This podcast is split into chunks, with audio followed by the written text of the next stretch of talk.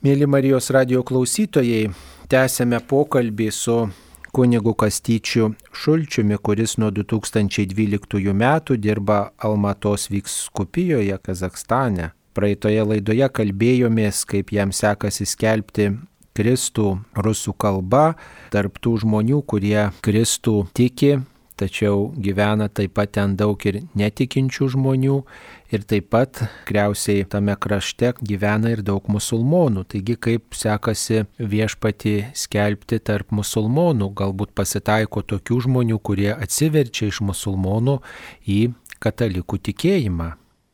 Dėl atsivertimo tai man būtų sunku kalbėti, bet kad kazachų kilmės, kurie yra iš musulmoniškų šeimų, kad yra katalikai, tai čia faktas.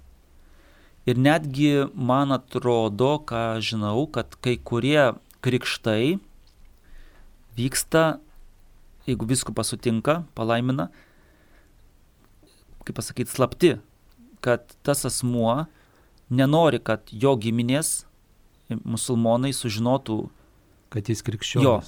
Kad jis tai jeigu viskupas sutinka, tai yra krikštijama, kad neviešinant viskupas žino, arba krikštojas žino, ir ta su jo prašymu, to žmogaus krikštimo, yra nesiafišuojama. Ar teko tokių sutikti atvejų krikštyti? Aš žinau tos faktus, kad tai buvo, kad tai yra. Ir viena šeima pas mane kreipėsi, aišku, aš negaliu garantuoti to sažiningumo, bet aš žinau, kad jie liktais ar visa šeima, ar vyras ir moteris ir vaikai, jie bandė, ne iš mūsų viskupijos, bet bandė ir per mane išvažiuoti kažkur tai į krikščionišką šalis, liktais teikdami, kad gal net ne patys tie žiauriausi dalykai, kad ten susidorojimu, bet norėjo palikti tą šalį, kad, kad jie yra krikščionys, ar tai net katalikai. Tai po to galbūt surado kažką labiau tokį kunigą, kur gali padėti jiems išvažiuoti. Na, o tai kokios reikia paramos, pagalbos, kokie poreikiai yra štai Kazakstane katalikams? Pirmoji eiliai, mano konkreti situacija, tai patirtis, tai didelis trūkumas, atsiprašau, pavadinsiu tą iš tarybinių laikų pavadinimą, kai trūksta kadrų. Aš esu visą laiką vienas. Tarkim, netgi pavyzdys, kad aš surinkau apie savo, kaip čia lietuviškai, savo nuosavybę ar kaip, užpildęs jau apie 500 anketų.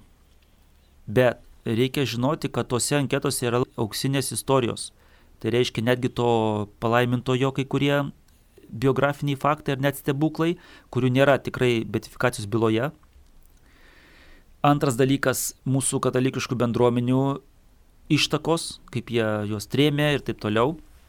Ir aš neturiu netgi pagalbininko, kuris man galėtų suvedinti tos tekstus, suvedinti į kompiuterį, elektroninių variantų paversti. Kitas dalykas, kad aš juntu visą laiką trūkumą vienuolių atstovų. Tarkim, pasakysiu pavyzdį, Sariozėkė netgi ten toks kaip ofisas, kambarys padarytas ir po stovyklos vasaros aš atvežiau tokį krepšį didelį kanceliarinių dalykų kaip tušinukai, ten kur spalvinimui. Ir net, įsivaizduokit, vaikai be kažkokios vienuolės, be kažkokio techeto, jie eina ir ima iš to krepšio ir jie ten paišo, spalvina, guašas, tą daro. Tai įsivaizduokit, kas būtų, jeigu būtų kokia vienuolė ar kažkoks savanoris, kuris su jais, aš nespėju vienas. Pas mus yra gapė po mišių, nes mišios vieną kartą per savaitę, tik sekmadienį, čia tik gal bus ateityje, kad bus šiokiadieniais mišios. Ir jeigu kažkas su jais savanoris ar katechetas, paruoštas asmuo, dar pakreiptų tą evangelinę, katechizacinę linkmę, tai būtų iš viso gerai, jeigu jau jie patys nori užsimti.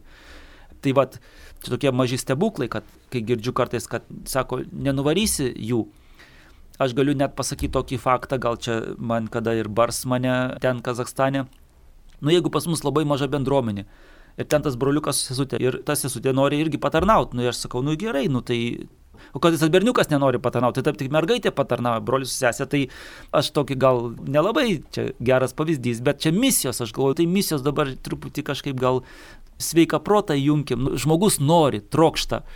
Pas mane nėra kitų užsiemimų, pas mane netgi stovi pieninas koplyčioje, tikras pianinas, aš neturiu kas su juo grotų. Tie vaikai maigo tuos klavišus, aš neturiu, kas juos mokintų to meno, muzikos. Taigi didžiausias pirmoji trūkumas tai savanorių, vienuolių, galbūt Lietuvos išgirs e, vienuolijos, gal atsiūs vieną kitą seserį ar brolį.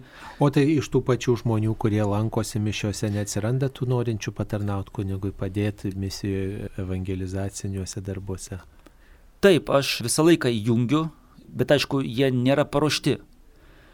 Aš pasakysiu dvasinį tokį žvilgsnį, kokia mes, reiškia, kokioj būsenoj tikėjimo, tokie kaip laipsnė ar, ar ta, kiek mes pažengę, tai aš sakysiu, kad mes tome Jono Krikštautuose laikuose, kaip tas sako, balsas dykumoje šaukia, taisykite viešpačių kelią. Ir mūsų tikintieji dar labai mažai suvokia, kas yra ta bažnyčia, kad aš nėra to suvokimo. Kartais žiūri kai kurie tikintieji, aišku, labai taip materialiai į tą bažnyčią. Jie kažko nori gauti iš manęs, iš manęs per bažnyčią. Jie ten kartais jau nesaikingai truputį kažko nori. Įsivaizduoja, kad bažnyčia tai kaip, nežinau, kaip, nu, kaip labdaros organizacija. Tai aš sutinku, yra ir karitos rytis, yra ir šeimos centros rytis, e, pastoracijos šeimomis, jaunimo, vaikų ir taip toliau. Bet tai va, kartais, aišku, toks yra materialinis. Yra kai kurių tokių ir, ir vargšų. Tai čia sakyčiau pirmoji eilė. Taip aš įjungiu. Pavyzdžiui, aš dabar esu Lietuvoje, bet aš ramus dėl pastato, nes yra viena šeima, kur minėjau tas brolis sesuo, tėtis stačiatikis, mama jau dabar tapo katalikė, berniukas Timocha yra katalikas, Uljana mergaitė yra stačiatikė. Tai supraskite, kad nėra Sariozekė stačiatikių bažnyčios, bet yra dvi mečetės. Nėra religinio oficialaus pastato, tokio kaip tai tai ateityje greičiausiai bus, nes mes perkam sklypą kaimininį ir ten viskupas norėtų svajoja apie tokios formos kaip jau koplyčios bažnytėlės formos statinį naujoj teritorijai. Aš dabar ramus, kad ta šeima rūpinasi, pečių kūrena, anglimis, kad ten yra šilta. Mano dvasios tėvas kuningas Pranciškonas, kaiminė parapija yra 90 km Pranciškonai, Taldi Kurganė. Jisai sekmadieniais 4 val. atvažiuoja mišes aukoja, kol manęs nėra, nes kai jisai buvo Lenkijoje, aš irgi jam padėdavau, ten 11 val. mišes aukodavau, jisai atvažiuoja Pranciškonas paukoti. Tai žinau, kad ir bus agapė tą šeimą paruoš ir pavaišins ir, ir pabendraus prie stalo po to. Reiškia, aš įjungiu, aišku, visą laiką, pagal galimybės visą laiką įjungiu pasauliečius, tai čia kito kelio nėra. Bet aš turiu omeny, kad paruoštas asmo, jeigu kažkaip truputį, kuris man padėtų dar tą evangelizaciją, formaciją, katekizaciją, tai pirmoji eilė tai noriu atkreipdėmėsi į tą kadrų trūkumą, į tų savanorių pagalbininkų. O antroji eilė, aišku, yra tas materialinis klausimas, kad per dešimt metų jau susidarė tokia mano žvilgsnis, kaip suvokimas, kaip, kaip tai veikia misijos. Dėl to paskutinė tokia gera žinia, kad vieno mūsų kunigo viskupijos, kaip aš pristačiau per kunigų sutikimą misijas, buvo pasiūlyta, kad patarta man, kad man reikėtų čia turėti Lietuvoje tokią savanorių komandą, ar dviejų, trijų ar daugiau žmonių, kurie čia Lietuvoje galėtų pastoviai metų bėgė reikalui esant pristatyti tas misijas arba atsakyti į klausimus, jeigu kas nors domisi tomis misijomis. Net kaip ir jūs sakėt, paukoti, jeigu norėtų, tai tie žmonės čia Lietuvoje. Aš Lietuvoje mažai labai būnu metų bėgi. Vieną arba du kartus grįžtu. Bet tai tie kartai ir kai aš grįžtu, aš stengiuosi kažkur išvažiuoti iš Lietuvos, dar papasakoti apie misijas. Tarkim, dabar važiuosiu savaitę į Angliją, truputį į Ukrainą, Lenkiją ir Ukrainą. Ir vasarą, tarkim, prieš karantiną buvau Italijoje. Birželį grįžau ir iš Lietuvos vykau į Italiją ten savaitėj, kažkaip kalbėti apie tas misijas, pasakoti apie tas misijas. Dėl to va, ta komanda turėtų turėti, mes tuo keliu einame. Prašau visų ir klausytojų maldos, kad susiburtų tas toksai kolektyvas, ta komanda ir jinai turėtų, tie žmonės turėtų filmuką ir turėtų visus kontaktus, gal net kažkokius bukletus, lankstinukus, kur yra visa informacija, norint ar paremti tas misijas Kazakstane tas būtinis klausimas yra labai toks opus.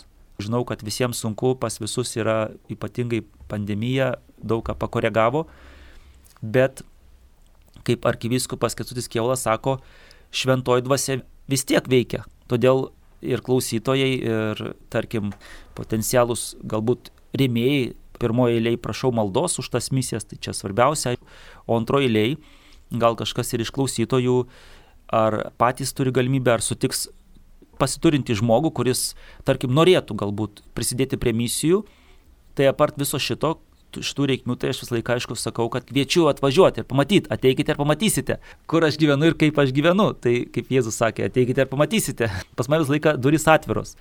Ir tikrai visus kviečiu ir viena šeima buvo iš Karmėlovos parapijos, atvažiavę savaitę, aišku, jie norėjo daugiau tokio, ne mano parapijos apžiūrėti, bet jie yra katalikai, vyras su žmona, bet jie norėjo labiau slidinėti. Tai buvo sausio pradžia, dar prieš karantiną. Ir aš pirmą kartą slidinėjau kaip už kompaniją, pirmą kartą savo gyvenime slidinėjau. Mes iš pradžių važiavome į Kirgiziją, aš juos priėmiau būte kunigams, nes ten yra keturi kambariai. Ir aš paprastai visą laiką vienas. Tai visą laiką galimybė priimti, o jeigu dar ten paties čiūžinė ar kaip ta vadinasi, yra skladuškė, atsiprašau už tą. Sudedama lovelė. atsiprašau už tą žodį tarybinį. Tai tada ir galima pas mane vienu metu, kai buvo kunigo šventimai, ne Kazakstano kunigo, pranciškono iš Usurisko, iš Rusijos, buvo šventimai, tai atsimenu, tame būte atrodo apie 20 žmonių buvo priimta. tai dėl to prašom atvažiuokit ir ar tai paslidinėti, ar tai pasigrožėti tą nuostabią gamtą Kazakstano, ar tai mano parapės apžiūrėti, ar tai net paevangelizuoti dabar turėtų būti, jeigu Dievas išpildys tą gerą valią, tai turėtų atvažiuoti vasarai du seminaristai iš Lietuvos praktikai mėnesiui. Tokia gera linkme mes einame, tai ačiū Dievui, kad Dievas mus malonina. O kaip jūs valgyt gaminate, pats gaminate, ar, ar yra kažkas, kas jums padeda? Valgyt, tai taip iš bėdos gaminu, kai jau labai alkanas, kažką tai pasigaminu, kartais žmonės ten iš kaimų ar iš kur tai duoda kiaušinių, tai jeigu pas mane kiaušiniai yra šalituvė, aš tada papildau, nusiperku svagūnų, pomidorų ir pasikepu ar dar ten kažką tai. Iš tikro, gal su Lietuva lyginant, tai jeigu taip būtų toks kaip kažkoks tai pastovus, kažkoks tai tas, ta parama kažkokia, tai būtų galima aišku ir staupant laiką ir, ir užėti valgyklą, ganėtinai saliginai nėra brangu lyginant su Lietuva, nes pas mus dar yra lab, ten ir ta musulmoniška gal tradicija yra, kad yra tokios didelės valgyklos, ypatingai iki pandemijos, kad jos dirba 24 valandas per parą. Ir jos netgi toks kambariukas yra maldos, kaip musulmonai melčiasi ten, kaip panašiai mes liturginės valandas, ten penkis kartus per dieną jie taip pat pasauliečiai melčiasi. Tai tos, jos kažkaip susijęs su, su religija, kad jie ten ir vėlai, ir naktį valgo, ir tas valgyklos. Arba pirktis taip pat parduotuvėse pusgaminius, kurios tik, kad taupant laiką pasišildyti, nes aš labai daug esu kelyje. Kiek Ka... mišių sekmadienį aukojate ir kiek aplankote vietų? Taip, aš, taškų? aš turiu tris parapijas, tai kartais man pavyksta, kad per šeštadienį sekmadienį visose trijose organizuoja pamaldas. Aišku, po to yra gapė, dažniausiai aš tai iš savo kišenės organizuoju tą gapę, nebent kartais tikinčių namuose ir labai toli, ir tie šeimininkai, pas kuriuos mes mišes organizuojame, nemato problemos ten paruoštos pietus, nes patys irgi valgytų, tai ten mūsų nedaug žmonių. Tiesiog tris parapijas per šeštadienį, sekmadienį. Tai kai aš jau grįžtu atgal dėl matą, sekmadienio vakarą būna pas mane 1100-1200 km. Per, per sekmadienį. Per šeštadienį, sekmadienį. 1000 km. Taip, tai kartais aš kelyje, pavyzdžiui, šešias, čia turiu menį pirmin atgal, šešias, septynias valandas, aštuonias valandas kelyje esu už vairo. Dėl to... O miegas neima važiuojant tokias ilgas keliones?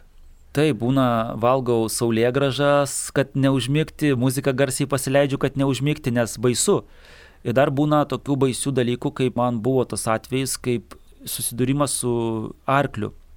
Laukiniu kokiu nors ten greičiausiai jie nėra laukiniai, bet žmonės turbūt taupo pinigus ir jie žiemą, vasarą, aš buvau nustebęs, aš galvau, kad kaip pas mus Lietuvoje žiemągi karvės tvartose, o ten žiūriu arkliai, karvės, avis ir žiemą ir vasarą laukuose. Tai gal ten žiemos nešaltos, koks ten klimatas? Ne, ne, Almata, Almatos rytis yra, ne, netgi šiaurėtas pats.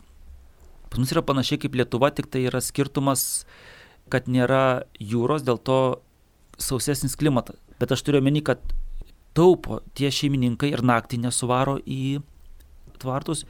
Ir aš matydavau, kad jie stovi ir naktį tie gyvuliai šalia kelio ir aš taip galvodavau visą laiką, kad tai yra labai pavojinga. Ir vieną kartą papuoliau į tokią situaciją, kad pas mane tarp dviejų parapijų yra 200 km. Žarkentas, kur prie Kinijos sienos, tai yra 300 km nuo Almatos, yra tiesioginis kelias į Sariozeką. Žarkentas yra Marijos kankinių karalienės parapija, jau užregistruota, bet jau dešimt metų mes neturim pastato, dėl to aš kart nuo karto mėgau viešbutį. Jeigu važiuoju iš anksto arba ten reikia dar likti dėl reikalų, ir mes dabar jau perkam parapijai pastatą, nuosavą namą, sklypą ir prijungsim adresą, nes parapija yra, o namą buvusi vaikų darželį mums valstybė kažkaip atimė, pilnai suremontuota. Tai aš važiuoju tos 200 km ir vieną vakarą apie 8 val. pusę 9 gal, dar ketinau per Sariozeką važiuoti pas savo dvasios tėvą, ten pas pranciškonus nakvoti, tai apie 200, dar apie 300 km ir man, prieš mane stovi arklys Ir aš matau, kad kadangi labai tamsu laukuose, tose stepėse, nu, nėra iš vis jokios šviesos, jeigu ten menulis ar ten tos žvaigždės labai nešviečia, tai labai tamsu, net ir šviesos nepadeda. Ir kai aš pamatau arklį, aš jau matau, kad aš nespėju sustabdyti. Kitas arklys stovi kairiai, man tiesiai prieš mane arklys, taip skersai, įstrižai, kaip čia pasakyti.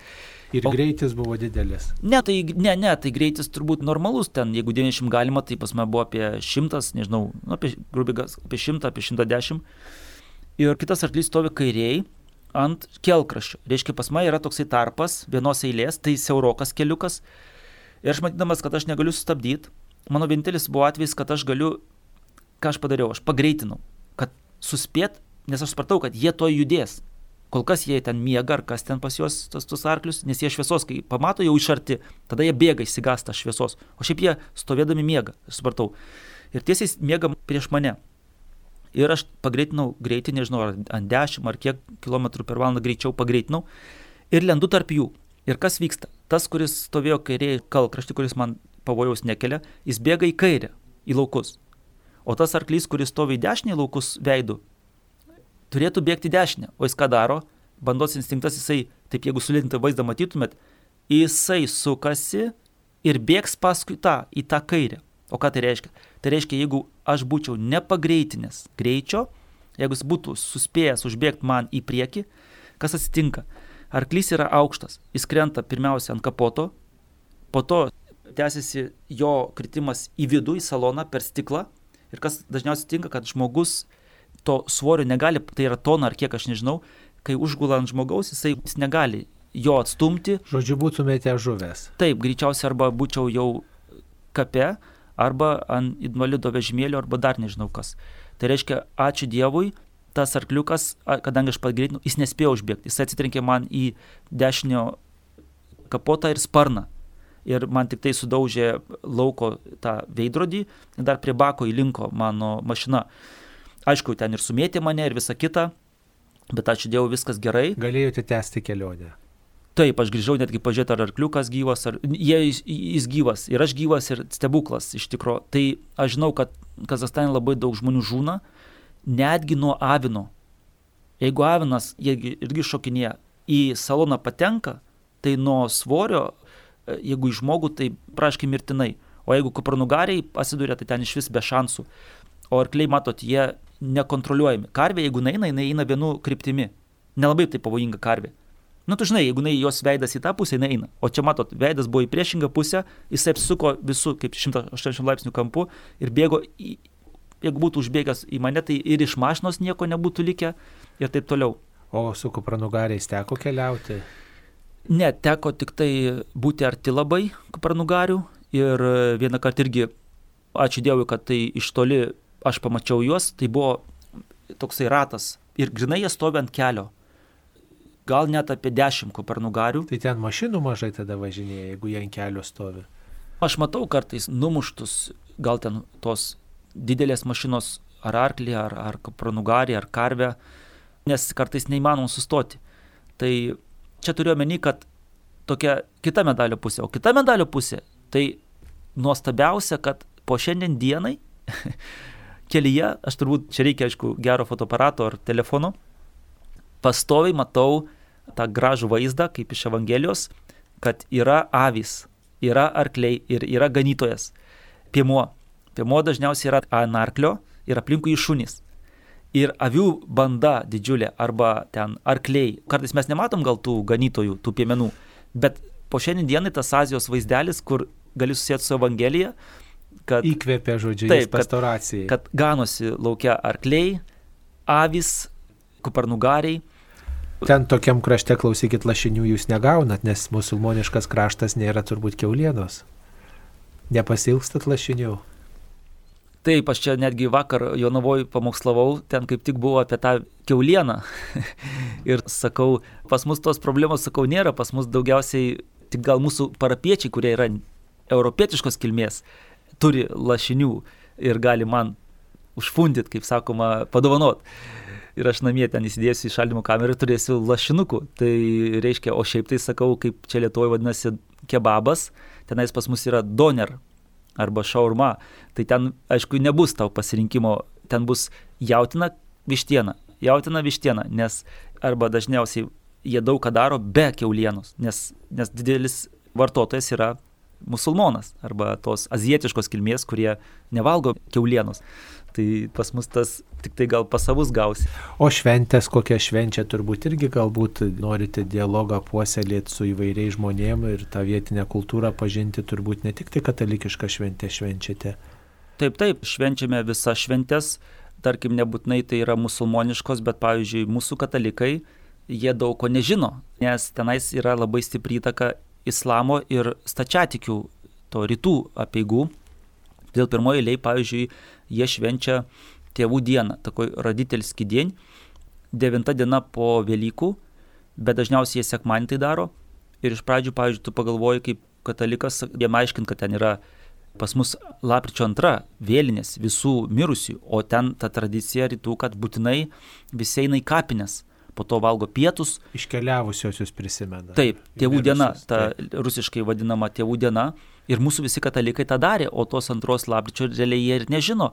O aš pagalvoju, o tai kodėl ne, tai gerai sakau, aš einu, tai aukoju mišes kapinėse tą dieną. Kodėl man neaukot, dar būdavo anksčiau kitose parapėse, kur buvau, dar ir rinkliavą jie, žinai, padarys. Kodėl to nedaryt, kodėl ten būtinai tą taip po truputį aiškini, kad lapkričio antra arba pavyzdžiui pas juos nėra 30 dienų pas mūsų katalikus, nes kaip ir pas musulmonus, kaip pas čatikus yra po mirties 40 dienų. Ir jie nežino tos 30 dienų, kaip mes keturndelį. Pas juos 40 arba 9 dar dienos yra po mirties. Nu ir kodėl ne, kodėl ne, kodėl jiems neaiškint tos esmės, kad svarbiausia užmirusi mišios. Nes jie, pavyzdžiui, manęs neprašo mišių, jiems nėra laiko, ten pietų svarbu labai organizuoti ir taip toliau ir taip toliau. Ir kaip, pavyzdžiui, 9 ar 40 dienų Aš sakau, pavyzdžiui, per pamokslą aš sakau du dalykus. Pagrindinius dalykus, kas liečia mirusius. Sakau, noriu tik priminti, prisiminti, kad mirusiems padeda mūsų išpažintis, artimųjų to mirusio ir kad mišios. Sakau, visa kita tai yra dėl žmonių, nes jie labai tą akcentuoja. Pavyzdžiui, kaime tos geduliniai pietus, pavyzdžiui, kokie 200 žmonių ir pas kažkokį ten atstovą yra tie visi puodai, kurie yra visom progom, yra vestuvėm ar ten dar kažkam ir musulmoniškom visokiam apieigom ir tiem, tiem, tiem. Ir jie tenais laukia verda, kepa tas ugnis laužas. Aš net fotografuoju tas tradicijas, kad visas kaimas, aul, visas aul sueina. Ir jeigu katalikas mirė, irgi tie musulmonai sueina, visi sueina, kaimynai. O tai kaip musulmonai bendrauja su jumis, jie danties negrėžia, kad jūs čia kunigas, jūs čia krikščionišką tikėjimą tarsi propaguojat ir, ir, ir kažkaip atskelbėt Jėzų, gal tai pavojus jų tikėjimui, kaip jūs su jais sutarėt? Tai va čia labai geras klausimas, ypatingai kalbant apie tą religijos įstatymą, kad dar pirmasis Kazakstano Respublikos prezidentas Nursultanas jisai arba visa vyriausybė kartu su juo įvedė tą religijos įstatymą ir plus konfesijų sutarimą, kadangi, suprantat, vis tiek, jeigu yra 50 procentų atstovai islamo, tai kad nebūtų terorizmo, ekstremizmo ir kadangi negali jie kontroliuoti vienos bendruomenės, vienos konfesijos, tada... Tai kontroliuoja visas. Visas ir da, tą draugystę įstatymų pas mus, ta draugystė tarp konfesijų ir tarp atstovų, vadovų tų konfesijų bendruomenių yra įstatymiškai reglamentuota. Ir dėl to, kaip pas mus Lietuvoje būtų seniūnijos, ten kur meras, tai yra organizuojamas apskritas stalas, įvairios konferencijos, įvairiam temom korupcijos, sutarimo tarp konfesinio, aš irgi esu konferencijas ten skaitęs. skaitęs, taip, ten 15 minučių, ten visi atstovai. Pranešimą kokį. Taip, pranešimą apie tą, būtent tą dialogą. Ir tarkim, tokie šūkiai, kaip tarimiais laikais, kurie kabo tie plakatai, ten Nazarbaevo prezidento tekstas, pavyzdžiui, čia parašyta, kad Nursultan Nazarbaev. tarp konfesinis dialogas ir sutarimas. Tai yra valstybės taikos ir stabilumo pagrindas. Na taip, kad reiškia įvairių religijų išpažinėjai nesipyktų tarpusavį. Taip, ir mes jau reglamentuoti valstybės įstatymų, tai ačiū Dievui. Na tai turbūt tenka sutarti su įmamu, o kaip su paprastais musulmonais, kaip vat, susitinkat, pavyzdžiui, kur kaime, raukodamas mišes vis tiek ar parduotuvė, ar dar kažkur nešnairuoja, jei jūs einat su kunigo apykakle, arba šiaip gal iš veido pažįsta, jūs tai nežiūri keistai ir negrasina, kad dink iš čia. Ne, to nėra, bet tai yra tas liūdnas dalykas, kad aš nežinau, nuo ko čia priklauso, kad prašiau yra situacija su stačiatikiais, kad turbūt nuo kunigų priklauso, kad mūsų tikintieji stačiatikiai yra nusiteikę prieš ar nuteikti, kad mes esam kaip atsiskyrėliai sekta, Apsidai, daugeliu Kazakstane mes esam sekta. Katalikai yra sekta, nes tai yra mažuma, plus mes dažnai melžiamės savo nupirtam namukyje, kuris nuosavas namas ir kur viduje vienam kambariukė yra koplyčia, tai mus laiko kaip sekta, kad mes sekta. Ir kitas dalykas, kai pavyzdžiui kokia nors katalikė moteris ar mergina susiranda vis dėlto jau tą savo antrą pusę, tai yra neretas atvejis, kai jau viskas.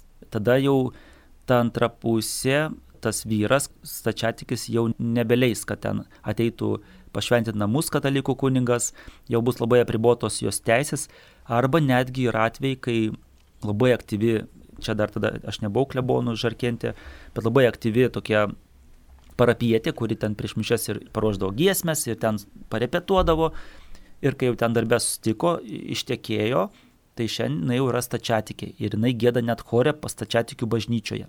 Nes, jau katalikybėje te. Nes, nes vyras, reiškia, ačiū Dievui, gal vyras olus, stačiatikis, daug dievė, ir ta visa šeima jau prieš. Arba girdi tokius dalykus, ten kažkas ištekėjo, ten Rusijoje kažkas išvažiavo iš mūsų katalikų ir ten, pavyzdžiui, tėvai pasakoja, ai, net gal ir ta, kur, sakiau, tapo stačiatikių ten bažnyčia ir chorė gėda, kad vis tiek jie kažkaip ilgisi tų dalykų, arba ten irgi į Rusiją išvažiavo mūsų katalikė, ištekėjo, tai sakė, draudžia, draudžia stačiatikis vyras, netgi grasina iki skirybų. Jeigu, tai jinai sako, aš, jeigu praktikuos katalikų tikėjimą. Jo, tai jinai greičiausiai sako, oi, kaip aš ilgiuosi, kaip pasilgau, tai greičiausiai, kai vyras turbūt nežinos, tai jinai, nu, kažkaip nueis į katalikų bažnyčią, bet ilgisi. Tai va dėl to liūdnesnė situacija yra ne su musulmonais, o aišku, čia turbūt toksai yra neišprusimas, turbūt. Jie nežino tos istorijos, nežino, kad daug ko nežino ir dėl to dažnai priešiškai nusiteikę stačiatikiai. Būtent taip. stačiatikiai. O apie giesmės prabilote, tai kokia tų giesmių nuotaika, kaip Lietuvoje, tai sako tokia liūdna, čia mes taip neturim, nei tų linksmų giesmių, gal tik jaunimas linksmiau užgėda, o šiaip tos giesmės tokios liūdnos, tokios varančios į depresiją, kai kuriuos ypač jaunus žmonės Lietuvos bažnyčia tai pasižiūri. O kaip ten yra vat, su giesmėm, su ta pamaldų nuotaika, ar ten Kazakstane vyrauja tokia džiaugsmo nuotaika mišiuose, ar irgi panašiai kaip Lietuvoje, ar dar kažkaip kitaip? Ar jie gėda visi, ar gėda tik tai tas atsakingas žmogus, o gal iš vis negėda? Taip, čia su gėdojimu, tai mano asmeninė patirtis, kai aš sakau, dar esu, dar gėdojimas man eilėje, aš dar iki to nepriejau, nes dar nematau, kad čia aš nesu specialistas toj srity, bet dar matau, kad mums užtenka ir aš taip tas dalis mišių gėdų, bet ten mes, aišku, turim melodijas šventas šventas, Dievo vinėlį, tarkim, net tėvė mūsų, be vargoninko mes. Patys gėdė. Taip, yra tie instrumentų. Taip, yra tie gesminai ir nauji gesminai jau yra, bet aš dar neprijau prie to, pas mane dar tik tai ateity, bet kalbant apie mūsų, pavyzdžiui, Almatos viskupas labai muzikalus, tai jis ispanas ir ten daugiau opusdėjai dvasingumo, tai jisai, aišku, daugiau už tokias klasikinės, tokias, bet Jeigu įmant Kazakstaną, pavyzdžiui, Karagandos viskupėje, kur daug ir nekotechumenato yra bendruomenių ir atiravo pasaulinė administratūra, tai aišku, tenais yra ir jaunimas, kurie turi ir visas gitaras, būgnus ir taip toliau ir taip toliau. Ir tarkim labai svarbu paminėti, kad mes neužmirštume tokio momento, kad Kazakstane yra toks kaimas, tai yra šventovė Aziornaja. Ir ten yra Dievo švenčios mergelės Marijos taikos karalienės šventovė kurią popiežius, kai buvo Jonas Paulius II Astanoje, Kazakstane 2001 metais, dabar jubiliejus 20 metų atgal, jisai pavadino, kad yra nacionalinė tautos katalikams, Kazakstano katalikų tautos e, šventovė. Dievo motinos šventovė, Aziorną ir ten kiekvieną rūpjūtį vyksta Kazakstano jaunimo arba katalikiško jaunimo susitikimas. Tai kaip sakytume, Per mus- žolinę. pa- Taip, taip. Taip, ten jis nuo 13 dabar iki 17 rūpiučio, tai dabar, kaip sakytume, kaip Lietuvo, tai čia kaip Lietuvos jaunimo dienos, Nu, nes čia yra viso Kazakstano jaunimo. Tai pas mus yra tokios Kazakstano jaunimo dienos kasmet. Lietuvoje kas trys metai, ne? Nu, jeigu ne karantinas, ne? Ten Taip. skirtingos, o pas mus kasmet yra Kazakstano jaunimo dienos, matot, tai Tai stebuklai. nuostabu. O tai, pavyzdžiui, piligrimystė į Tezą, į Prancūziją, ten į tą vienuolyną kaimelį, kur yra tas ekumeninės toks pamaldumas, puoselėjimas, nėra tokio papročio organizuota ar, ar tokios idėjos. Ar, pavyzdžiui, kelionė į, į Šventą Žemę, kelionė į Romą, kelionė dar kažkur į Lenkiją, ten į kažkokias šventovės, kurios garsios visame pasaulyje, pavyzdžiui, į Liu- į Liurdą arba į Fatimą. Tai yra dvi medalio pusės, aišku, pirmos tokios kelionės ir iš mūsų viskupijos, pavyzdžiui, jaunimas, kadangi buvo daug kunigų turbūt iš Lenkijos, tai buvo pirmos tokios kelionės piligriminės ar kažkokias jaunimo dienas ar kažkur tai, tai į Lenkiją, po to į kai kurias pasaulio jaunimo dienas, bet aišku, daug kas sąlygoja ta finansinė padėtis. pa- Nėra žmonės turtingi. Taip, ir pavyzdžiui, kai aš organizavau, iš viso aš esu organizavęs Kazakstane keturias piligriminės keliones. Pirmoji buvo po betifikacijos, kaip tas tėvas Vladislavas Bukovinskis, kuningas, tapo pa- palaimintuoju. Tai mes buvom pirma piligrimų grupė iš pietų, tai nežinau, buvo nemažai, apie 30 žmonių. Mes traukiniu keliavom į Karagandą ir ten, kur ta kripta palaimintojo ir tas altorius, ir seminariją aplankėm, aplankėm muziejų Karlago Dolinkoj, kur buvo visa to lagerių tinklo administracija. Antra kelionė piligrinė buvo į Aziorną šventoją, bet mes labai daug šiaurės Kazakstane parapijų aplankėm. Antra mano organizuota piligriminė kelionė iš pietų į rytus, nes jie nematė buvo, kad važiuoji, važiuoji, stepės, laukai, kažkoks kaimas ir ten stovi bažnyčia, kaip pas mus kaime. Nes ten labai daug buvo tų tremtinių, Lenkų ir jie sugebėjo, kad tie kunigai ir jie patys, ir jie aktyvūs, ir yra ką melsis, ir yra rinkliavos, ir Kaznas yra labai didelis, dėl to labai sunku kalbėti apie vieną charakterį. Tai yra tūkst, tūkstančiai charakterių, kiekviena parapija atskiras pasaulis.